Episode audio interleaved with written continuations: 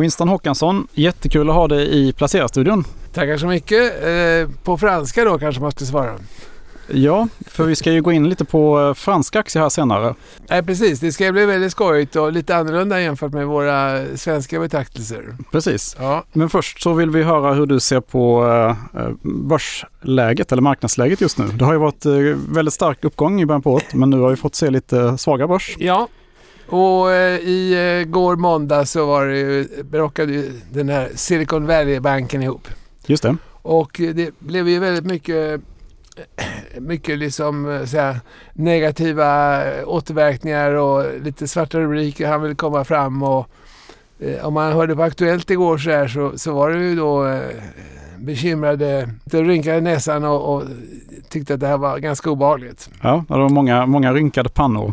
Många rynkade pannor. Och, eh, men det var ju faktiskt också någon, jag tyckte att den här flickan Landeborn på Danske Bank, hon kom ändå med en eh, ganska nykter och eh, behärskad, balanserad eh, analys av läget. Så det tyckte jag hon gjorde bra. Jag har tänkt på henne förut. Hon är en ganska duktig den här tjejen. Hon är väldigt du har duktig. haft den här också. Ja, hon är duktig. Och, och, och, det är kul att höra liksom, för det var, det var liksom lite sansat. Va? Det var inte någon sån här... Den här Alecta-chefen gjorde inte samma övertygande intryck tycker jag. Det är inte lätt det där med aktier. Nej. Men du har ju själv lite tillgångar i just amerikanska banksektorn då? Absolut. Jag, jag måste säga att jag köpte till... Igår så bestämde jag mig när jag såg hur det liksom... Det gick ner eh, rätt kraftigt ett tag igår. Och mm. så tänkte jag det att det här... Eh, det här måste vi bena i lite grann. Vad är det som har hänt egentligen? Och eh, då är det ju då så, så som alla vet att var den här eh, amerikanska västkustbanken, SVB, Silicon Valley Bank, som egentligen är, det är naturligtvis en bank till den yttre formen men det är kanske egentligen mycket mer ett investmentbolag. Som, eh, eller riskkapitalistfond eller vad man vill kalla det för. Som, som eh, eh riskar ganska hårt och som köper på sig eh, eh, stora, inte bara mindre utan ofta ganska stora andelar i, i riskabla nystartade företag eller företag med en affärsidé men som inte är särskilt långt komna. Och Eh, Eh, de har ju funnits ett bra tag och man har ju vant sig vid dem lite grann. Men sen eh, så plötsligt så kom det ut, eh, har jag inte exakt studerat vad som hände, men uppenbarligen så, så kom det ut ett rykte om att, att de hade kört fast lite grann på på tillgångssidan hade de då placerat en del riskkapitalisters pengar i räntebärande fasta ränteobligationer eller papper i alla fall. Och eh, och då så, eh, så att eh, en del av de pengar de tagit in har de satt i, i fasta placeringar. Och om då eh, man befinner sig i ett läge där, där räntorna går upp så går ju de här tillgångarna ner. Och det var väl det som då plötsligt väldigt många människor insåg ungefär samtidigt. Och inom loppet av någon timme så plockades det ut alltså någonting på 40 procent av hela den här banken. bankens liksom aktiekapital. Så det var, var otroligt snabbt det gick plötsligt. Mm. Och då, då var det liksom bara att då var det det var det som om man sitter som en jaktpilot i ett flygplan. Det är bara att trycka på katapultstolen. Alltså. Ja. Skjuta ut sig eh, fort. Det var det de gjorde. Mm.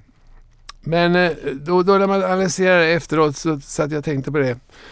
Du frågar just om min amerikanska bankintresse. Så jag satt där då, klockan var väl framåt åtta, halv nio och stänger lite tidigare nu i New York under det här glappet Sommar, mellan sommartid. ja. Mm. Och, och, jag satt där och tänkte, ja, men alltså det här, det, nu, då hade ju de här stora fina amerikanska bankerna, de hade gått ner rätt mycket. Och jag har ju då, dels har jag då JP Morgan och så har jag Bank of New York. De här två är ju på sitt sätt lika för det är ganska konservativt skötta banker. JP Morgan är ju då väldigt stor, en av världens största banker. Bank of New York, Mellon är inte fullt så stor. Lite mer konservativt skött. Men liksom, det är ju inga risk, de tar inga stora risker de här pojkarna. Så att jag gick in och köpte lite aktier i JP Morgan igår. Varför Bo, lite bottenfiske. ja. Mm. Och eh, sen så, eh, ja.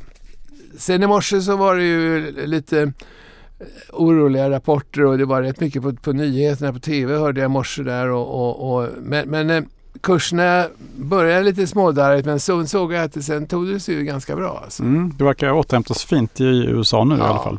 Tror du att det är över nu då det här? Det är aldrig över. Nej.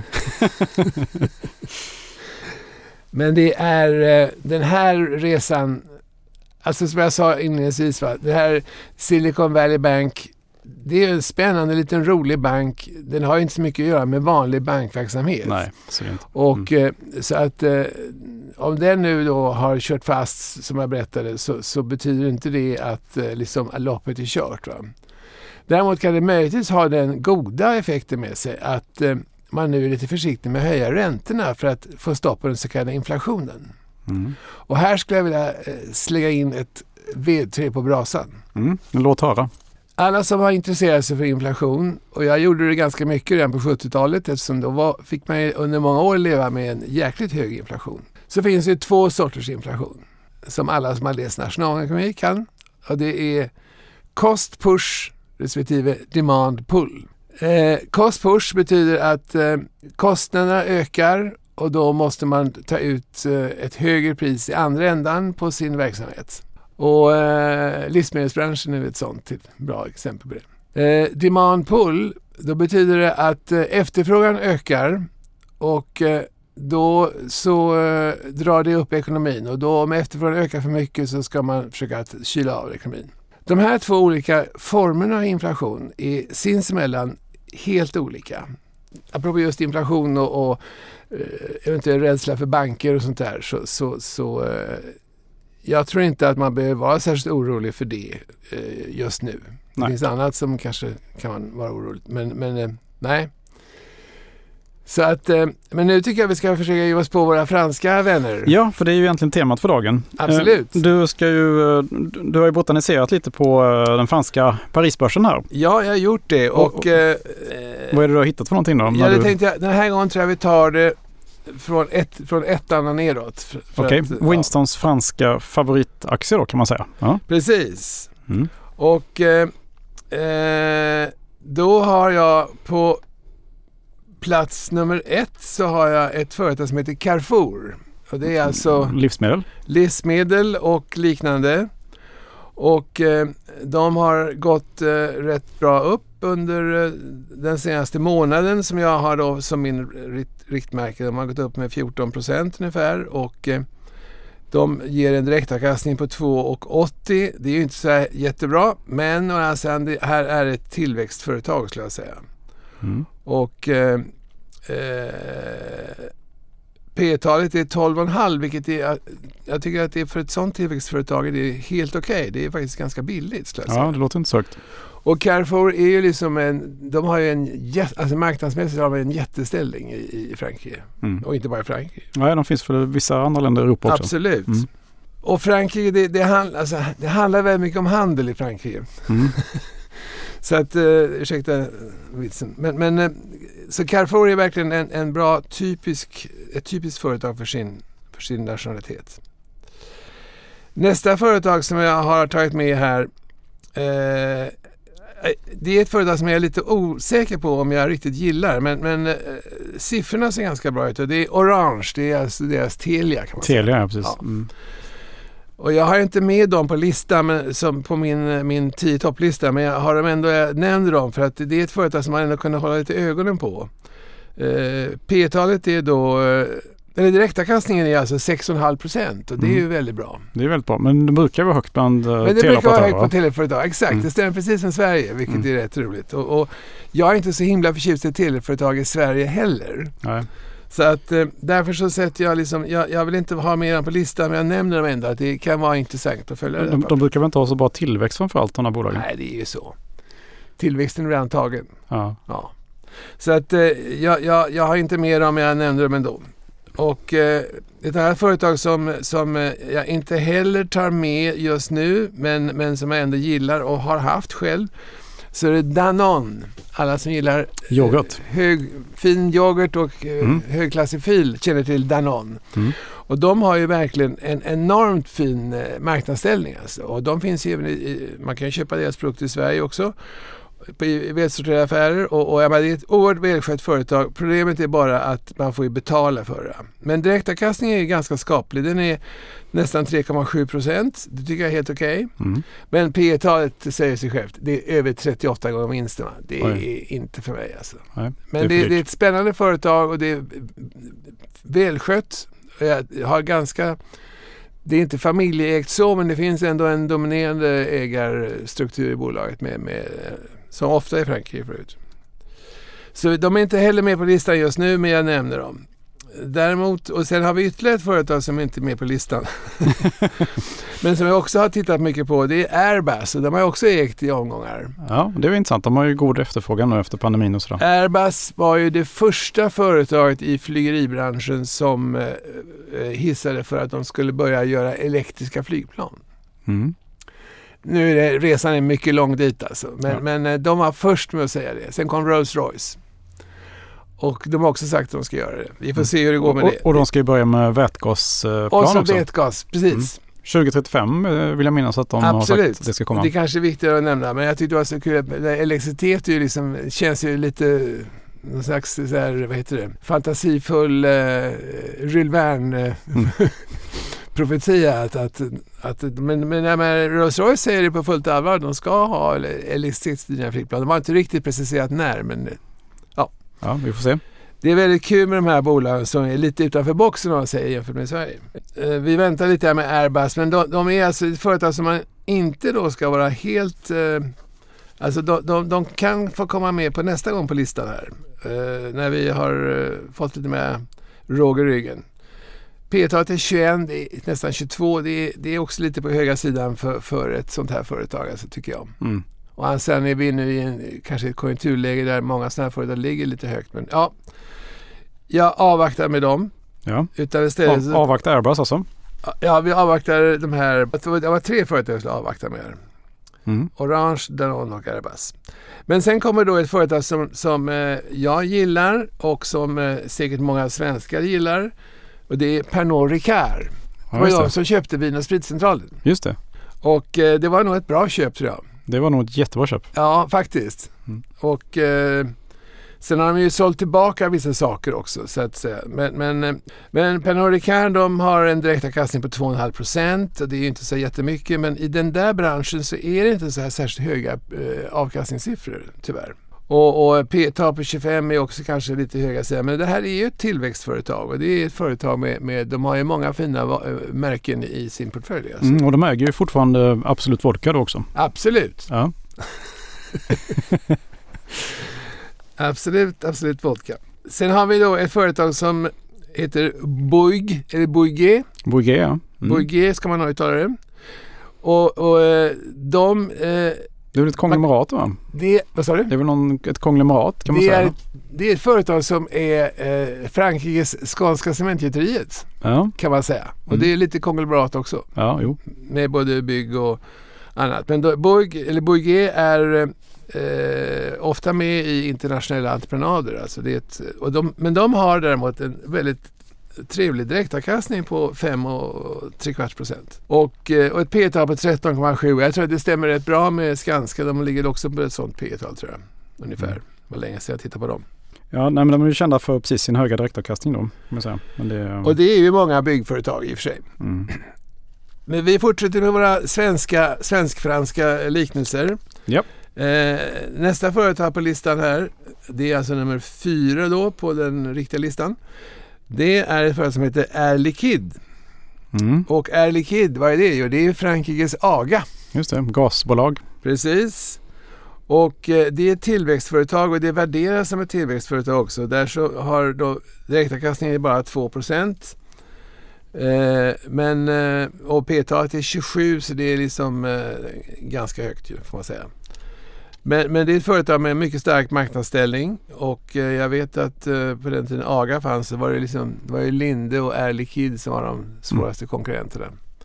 Sen köpte Linde AGA så då var det bara en Mm. kvar. Nej, det finns ju fler. Men, och, men alltså, och nu har stora- Linde avnoterats från tyska börsen faktiskt. Nu är det De bara noterat i USA. Jaha. var ju dubbelnoterade länge. Men eh, Ja, ja, det okej. var från och med nu faktiskt. I mars. Är det amerikanerna som äger Linde nu? Ja, nu är det amerikanskt noterat då. Intressant, det har jag faktiskt inte hunnit se. Nej. Man, För det var ju det, det största bolaget på DAX. fram man lär till- sig mycket på de här samtalen. Ja. det är bra. Ja, vi får hjälpas åt. Nästa företag på listan här är då ett företag som många svenskar känner till och det är Hermes. Hermes. International. Ja, det är väl många som har deras kläder. Och det är, ja, och det är ju många fina kläder de gör och eh, alla damer som lyssnar på det här de kommer ihåg när de köpte Hermes scarfs på 60-talet och 70-talet. Ja. Det var ju en stor, stor grej. Och du som var på Antikmässan här nu Carl, du kanske inte han se och jag måste erkänna att jag han bara snabbtitta. Men Hermes hade en utställning på Antikmässan ja, ja, jag han ser det lite grann av det faktiskt. Ja. ja. Och jag hörde på ett föredrag som eh, då en av de som hade ordnat den här utställningen höll. Det var ju otroligt intressant alltså. Mm. Och, och, det är ju ett otroligt välskött företag i framkant, alltså ett modeföretag. Och, familj, familjeägt också, sen eh, ja, långt, långt tillbaka. Ja, och där har jag alltså, i Hermes har ju faktiskt eh, den här eh, Frankrikes och världens rikaste man, i alla fall Frankrikes rikaste man. Arnaud. Bernard. Han, har ju, han började sin bana med att köpa på sig mycket aktier i Hermes. Och eh, ja, de har en intressant kors, crossholding där. V vad säger du om värderingen på Hermes? Ja, alltså Hermes har ju en usel avkastning med 0,77 och de har ett P tal på 53. Oj. Så att man får betala för glädjen. Mm. Och, eh, men så är det ju med många av de här franska modeföretagen. De har alltid legat väldigt med höga P-tal. Alltså. Så mm. att, eh, det beror på att de har en hög, en, en hög, eh, hög tillväxt. Och de kan höja priserna lite som de vill ja, men alltså, Om man har en hög tillväxt hela tiden, ökar vinsterna kraftigt hela mm. tiden, då, då, då, förstår ju marknaden det. Då kan man ju betala ett ganska friskt eh, framtida pris. För att om tre år är det struntbilligt. Va? Så att, så att det, är ju, det, är, det är ju en direkt funktion av hur tillväxten är. Eh, sen har vi ett företag, vi har ju pratat ganska mycket om LVMH här till och från. Ja, ett av eh, mina verkliga favoritföretag. Och eh, apropå Bernard Arnault, det är ju hans stora livsverk när han har byggt detta LVMH, Louis Vuitton Moet Hennessy. Mm. Och, eh, men han har ju då två stycken konkurrenter som mm. slåss om samma godbitar. Så de är tre fåglar på samma fågelfat. Mm. Och eh, LVM är störst. Och sen så finns det hans närmaste konkurrent, eh, eller han har två konkurrenter. En i Schweiz som heter Compagnie Financière Richemont. Mm. Och de är mycket framgångsrika. Och det har varit snack om att eh, LVM vill köpa dem faktiskt. Ja, det har alltså, ryktats lite grann om det ja, sista tiden också. Alltså det är ett mm. stort mm. företag. Så det, mm. det är, han köpte ju Tiffany's i och för sig för några mm. år sedan. Och det var ju jag ju nästan säker på att han inte skulle klara, men det gjorde han. Och, eh, men hans franska konkurrent det är ett företag som heter Kering. Och Kering äger ju då eh, en hel del skoja modehus, bland annat Cartier. Och eh, Kering har då en eh, Arnault, om han är då nummer ett så är väl Kering i Frankrike så är han, han vill nog gärna vara nummer två men han är kanske inte riktigt det men han är i alla fall eh, inte långt efter. Och det här Kering då, François Pinot heter han han har en son som heter likadant. Så det är alltid lite lurigt där. Vem talar jag om nu? Är det gammelfarfar eller var farfar? Men, men alltså François Pinot den äldre, han måste ju vara, jag vet inte var han lever, han är nog, måste vara närmare 89-90 år någonting, i, i närheten av där. Gammal byggkille. Eh, och, eh, men han har en son som är ungefär, det måste vara sonen då, som man ser kanske 67-69 någonting sånt där. Den, ja, men det intressanta är att pappan där, pappan François Pinot, han heter, heter likadant båda två. Eh, han gick och köpte Christies för 15 år sedan. Och han äger det helt själv. Mm. Alltihopa. I privat ficka. det, det, säger en del om, om eh, vad, vilka storheter vi pratar om här. Christies är liksom ett gigantiskt företag. Så att eh, detta om detta. Sen eh, så hade jag gärna tagit med ett företag som jag tyvärr måste ta bort nu och det är Rothschild. En av mina stora ja, favoriter. De ska avnoteras va? De ska ju köpas ur börsen. Mm. Familjen Rothschild, alltså de, har ligget, de ligger på ett P-tal nu idag på tre. Oj. Och det är väl för frestande att låta mm. det... Varför ska man ska dela med sig av sina vinster för? Det är bättre att köpa tillbaka den från börsen. Och det gör de ju också nu. Mm. Och då har de slagit sig samman med ett par andra finansfamiljer som hjälper dem att köpa. Rothschilds behöver hjälp också ibland. Mm. Och, eh, så att de plockar bort det nu. Och eh, jag hade, det var ju min största position faktiskt. Det var det? Ja. Mm. Och, och, eh, till slut var det det, för jag hade ett par, tre stycken ungefär lika stora, men det var bara Rothschild kvar för att det, det där kommer aldrig gå dåligt. Det mm. kommer, mm. Jag kommer att kunna bäras ut mm. som aktieägare i det. Mm. Men eh, nu så köper de bort det tyvärr. Det hur, ju, hur länge har du ägt det då? Ja, i rätt många år faktiskt. Ja. Lite grann till och från, men jag har aldrig gått ur helt. Men man, man minskar och köper på sig, du vet så mm. Men, men eh, det är ju ett otroligt eh, spännande företag och eh, menar, de gör ju helt rätt som, som köper bort det. Och jag väntar ett tag med att gå med och acceptera budet. Det kanske kommer något motbud eller kanske händer någonting annat. Men nej, det är lika bra att släppa det. Mm. Tyvärr. Det tyvärr. är synd. Ja, Mm. Man kan inte vinna alla strider. Nej. Så att, eh, sen har vi ett annat litet kul, mycket franskt företag. Alltså, jag, jag är väldigt förtjust i Frankrike och jag är väldigt förtjust i fransk, franska företag. Ja, det finns ju många, många bra. Ja, det Mm. finns jättemånga bra. Mm. Och det roliga är att vi som gillar det här lite, lite familjeägda och sånt som har, har lång, eh, lång historia. Va? Så har vi ett sånt och det är Remy Cointreau, eller Mm. Remy Martin om man vill. Och... Eh, eh, Konjak, Ja, konjakbolag. det, det, är, det är massor med saker, men det är bland annat konjak. Remy Martin har, eh, alltså, som alla andra sådana här fina, som man ofta då stöter på i Frankrike, det är, det är välskötta företag, väldigt kända varumärken, eh, ganska hög p-tal och ganska låg avkastning. Alltså, det blir så. Välkända företag kostar pengar. Ja. Och Remy Martin är ett sånt typiskt. Så att, eh, avkastningen är 1,3 procent och p-talet är 39. Mm. Så det är liksom inga, inga villiga saker. Men Nej. å andra sidan, vi talar om en världsmarknad. Och de har ju så många olika fina eh, sorter i sitt eh, sortiment. Att eh, vi får leva med det. Det är inga, det är inga fyndköp man gör direkt. Nej, inte på den där nivån. Sen har vi då LVMH. Mm. Så vi har pratat om så många gånger förut. Louis Ja. Vuitton, Moet Hennessy. Ja. Och eh, med alla dess, eh, ja, det där det är ju Bernard Arnaults eh, Livsverk. Ja, men han äger ju liksom, eh, han äger mer än alla andra aktier tillsammans. Men han äger jättemycket. Ja. Och har ju en stor familj som har eh, placerats in i olika ledande positioner. Sen har vi då, eh, ja vi har tre kvar på listan här. Mm. Och det är då försäkringsbolaget AXA. Vi har nog haft med dem förut. Ja, det tror jag. Ja. Det är ju en gigant. Det är en gigant och eh, jag gick ur dem för ett tag sedan och har inte gått in i dem igen. Men nu är jag väldigt sugen på att göra det. Och, eh, så att eh, nu får lyssnarna chansen att vara före mig här in i AXA. Men, men det, är, det är ett otroligt välskött försäkringsbolag. Och, jag gillar ju försäkringsbolag, särskilt de här stora internationella. Och jag har ju framförallt så är jag förtjust i eh, Münchner Rück. Återförsäkringsjätten. Ja, Mm. och eh, även AXA är mycket återförsäkring. Alltså det är liksom både och. Och sen har vi då L'Oreal som jag Mm. eh, har haft eh, länge.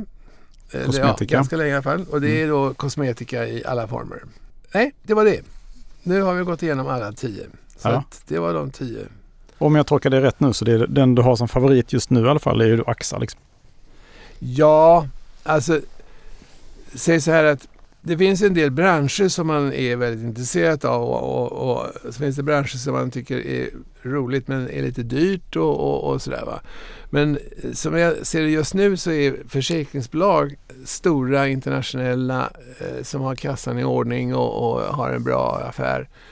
De, de, eh, det är, tycker jag, ett bra sätt att liksom eh, skydda sina pengar, att köpa försäkringsbolag. Och, eh, och då är Eh, alltså kanske Münchner Rück är min stora favorit och sen kommer AXA av de där. Det finns ett flertal andra. Det finns även flera fina skandinaviska försäkringsbolag. Nu har jag inte tittat på dem just precis nu på Twitter men Storebrand har jag haft flera gånger och så. Så vi skulle kunna göra en försäkringsbolagsgenomgång en dag. Absolut, det måste vi göra. Ja, men det, för det, de, de har ju liksom en liknande affär men är ändå lite olika. Va? Så då kan man ju sålla ut dem och varför den ena är Mm. bättre än den andra. Mm. Du Winston, jag tänker du var ju med på 1970-talet när inflationen var så hög. Ja. Hur gjorde du då för att skydda pengarna? Då köpte man ju verkstadspapper som, eh, som eh, hade... eh, Alltså, det var inte bara hög inflation utan vi hade en svag krona också. Så fort som det gick dåligt för Sverige så, deval- så devalverades kronan ett flertal gånger under 70-talet. Mm. Så att därför blev ju den svenska kronan då, där var ju före EU och allting, så blev ju den, det var ju alltid ganska billig. Och det gjorde att svensk industri eh, hade en, en god konkurrenskraft. Det låter väl lite som idag också? Ja, det kan man ju säga. Om man ser generellt då, vad är det som lockar med, med franska marknaden? starka varumärken. Väldigt starka varumärken. Och de var ju först då eh, med många tillverkningar. Alltifrån väskor till eh, Ja, det mod- mesta. Vad, vad jag inte har tagit med här kan jag säga. Jag har inte tagit med så mycket renodlade banker. Och jag har inte tagit med några energibolag. Total till exempel som är ett eh, bitvis väldigt intressant företag. Mm. Men jag känner just nu att nu, nu, nu, nu är liksom... eh, Nu är vi här på, på någon slags eh, vägskäl. Alltså ska, ska nu eh, oljeindustrin eh, släppa taget och annan form av industri ta över? Eller kommer de att eh, gå hand i hand? Eller kommer det bli som så att oljeindustrin eh, går in i andra områden och tar över dem så det blir fortfarande samma ägare fast inte samma produkt? Mm. Det, det sista tror jag rätt mycket på faktiskt. Att, eh, Mm. det är nog många oljebolag som har tjänat mycket pengar som har sagt att eh, ja, men vi får nog ta och börja titta lite grann på vätgas är det många som har börjat titta på och, och kärnkraft också i och för sig. Så att eh, ett energibolag kan nog bli ett energibolag även i fortsättningen även om man har sysslat mycket med olja. Bara en annan typ av energi helt enkelt. Ja, jag tror också det. Och, och, och då är väl Total ett sånt där som, som kanske får komma tillbaka in i värmen igen. Och, eh, det finns väl flera sådana företag som, som, eh, som vi kan komma tillbaka till. Absolut, det får vi göra. Tu- tusen tack för att du ville komma hit Winston. Ja, det var ju roligt. Det var ju den första liksom, eh, franska specialiteten. Vi Ja. har ju haft utländska aktier med i många år, men, men ett flertal år i alla fall. Men, men, eh, Men inte bara franska. men inte bara franska. Nej. Och eh, det finns ju några andra länder man också skulle intressera sig för. Mm, vi, vi återkommer om det. Det är bra. Mm, tack. Tack.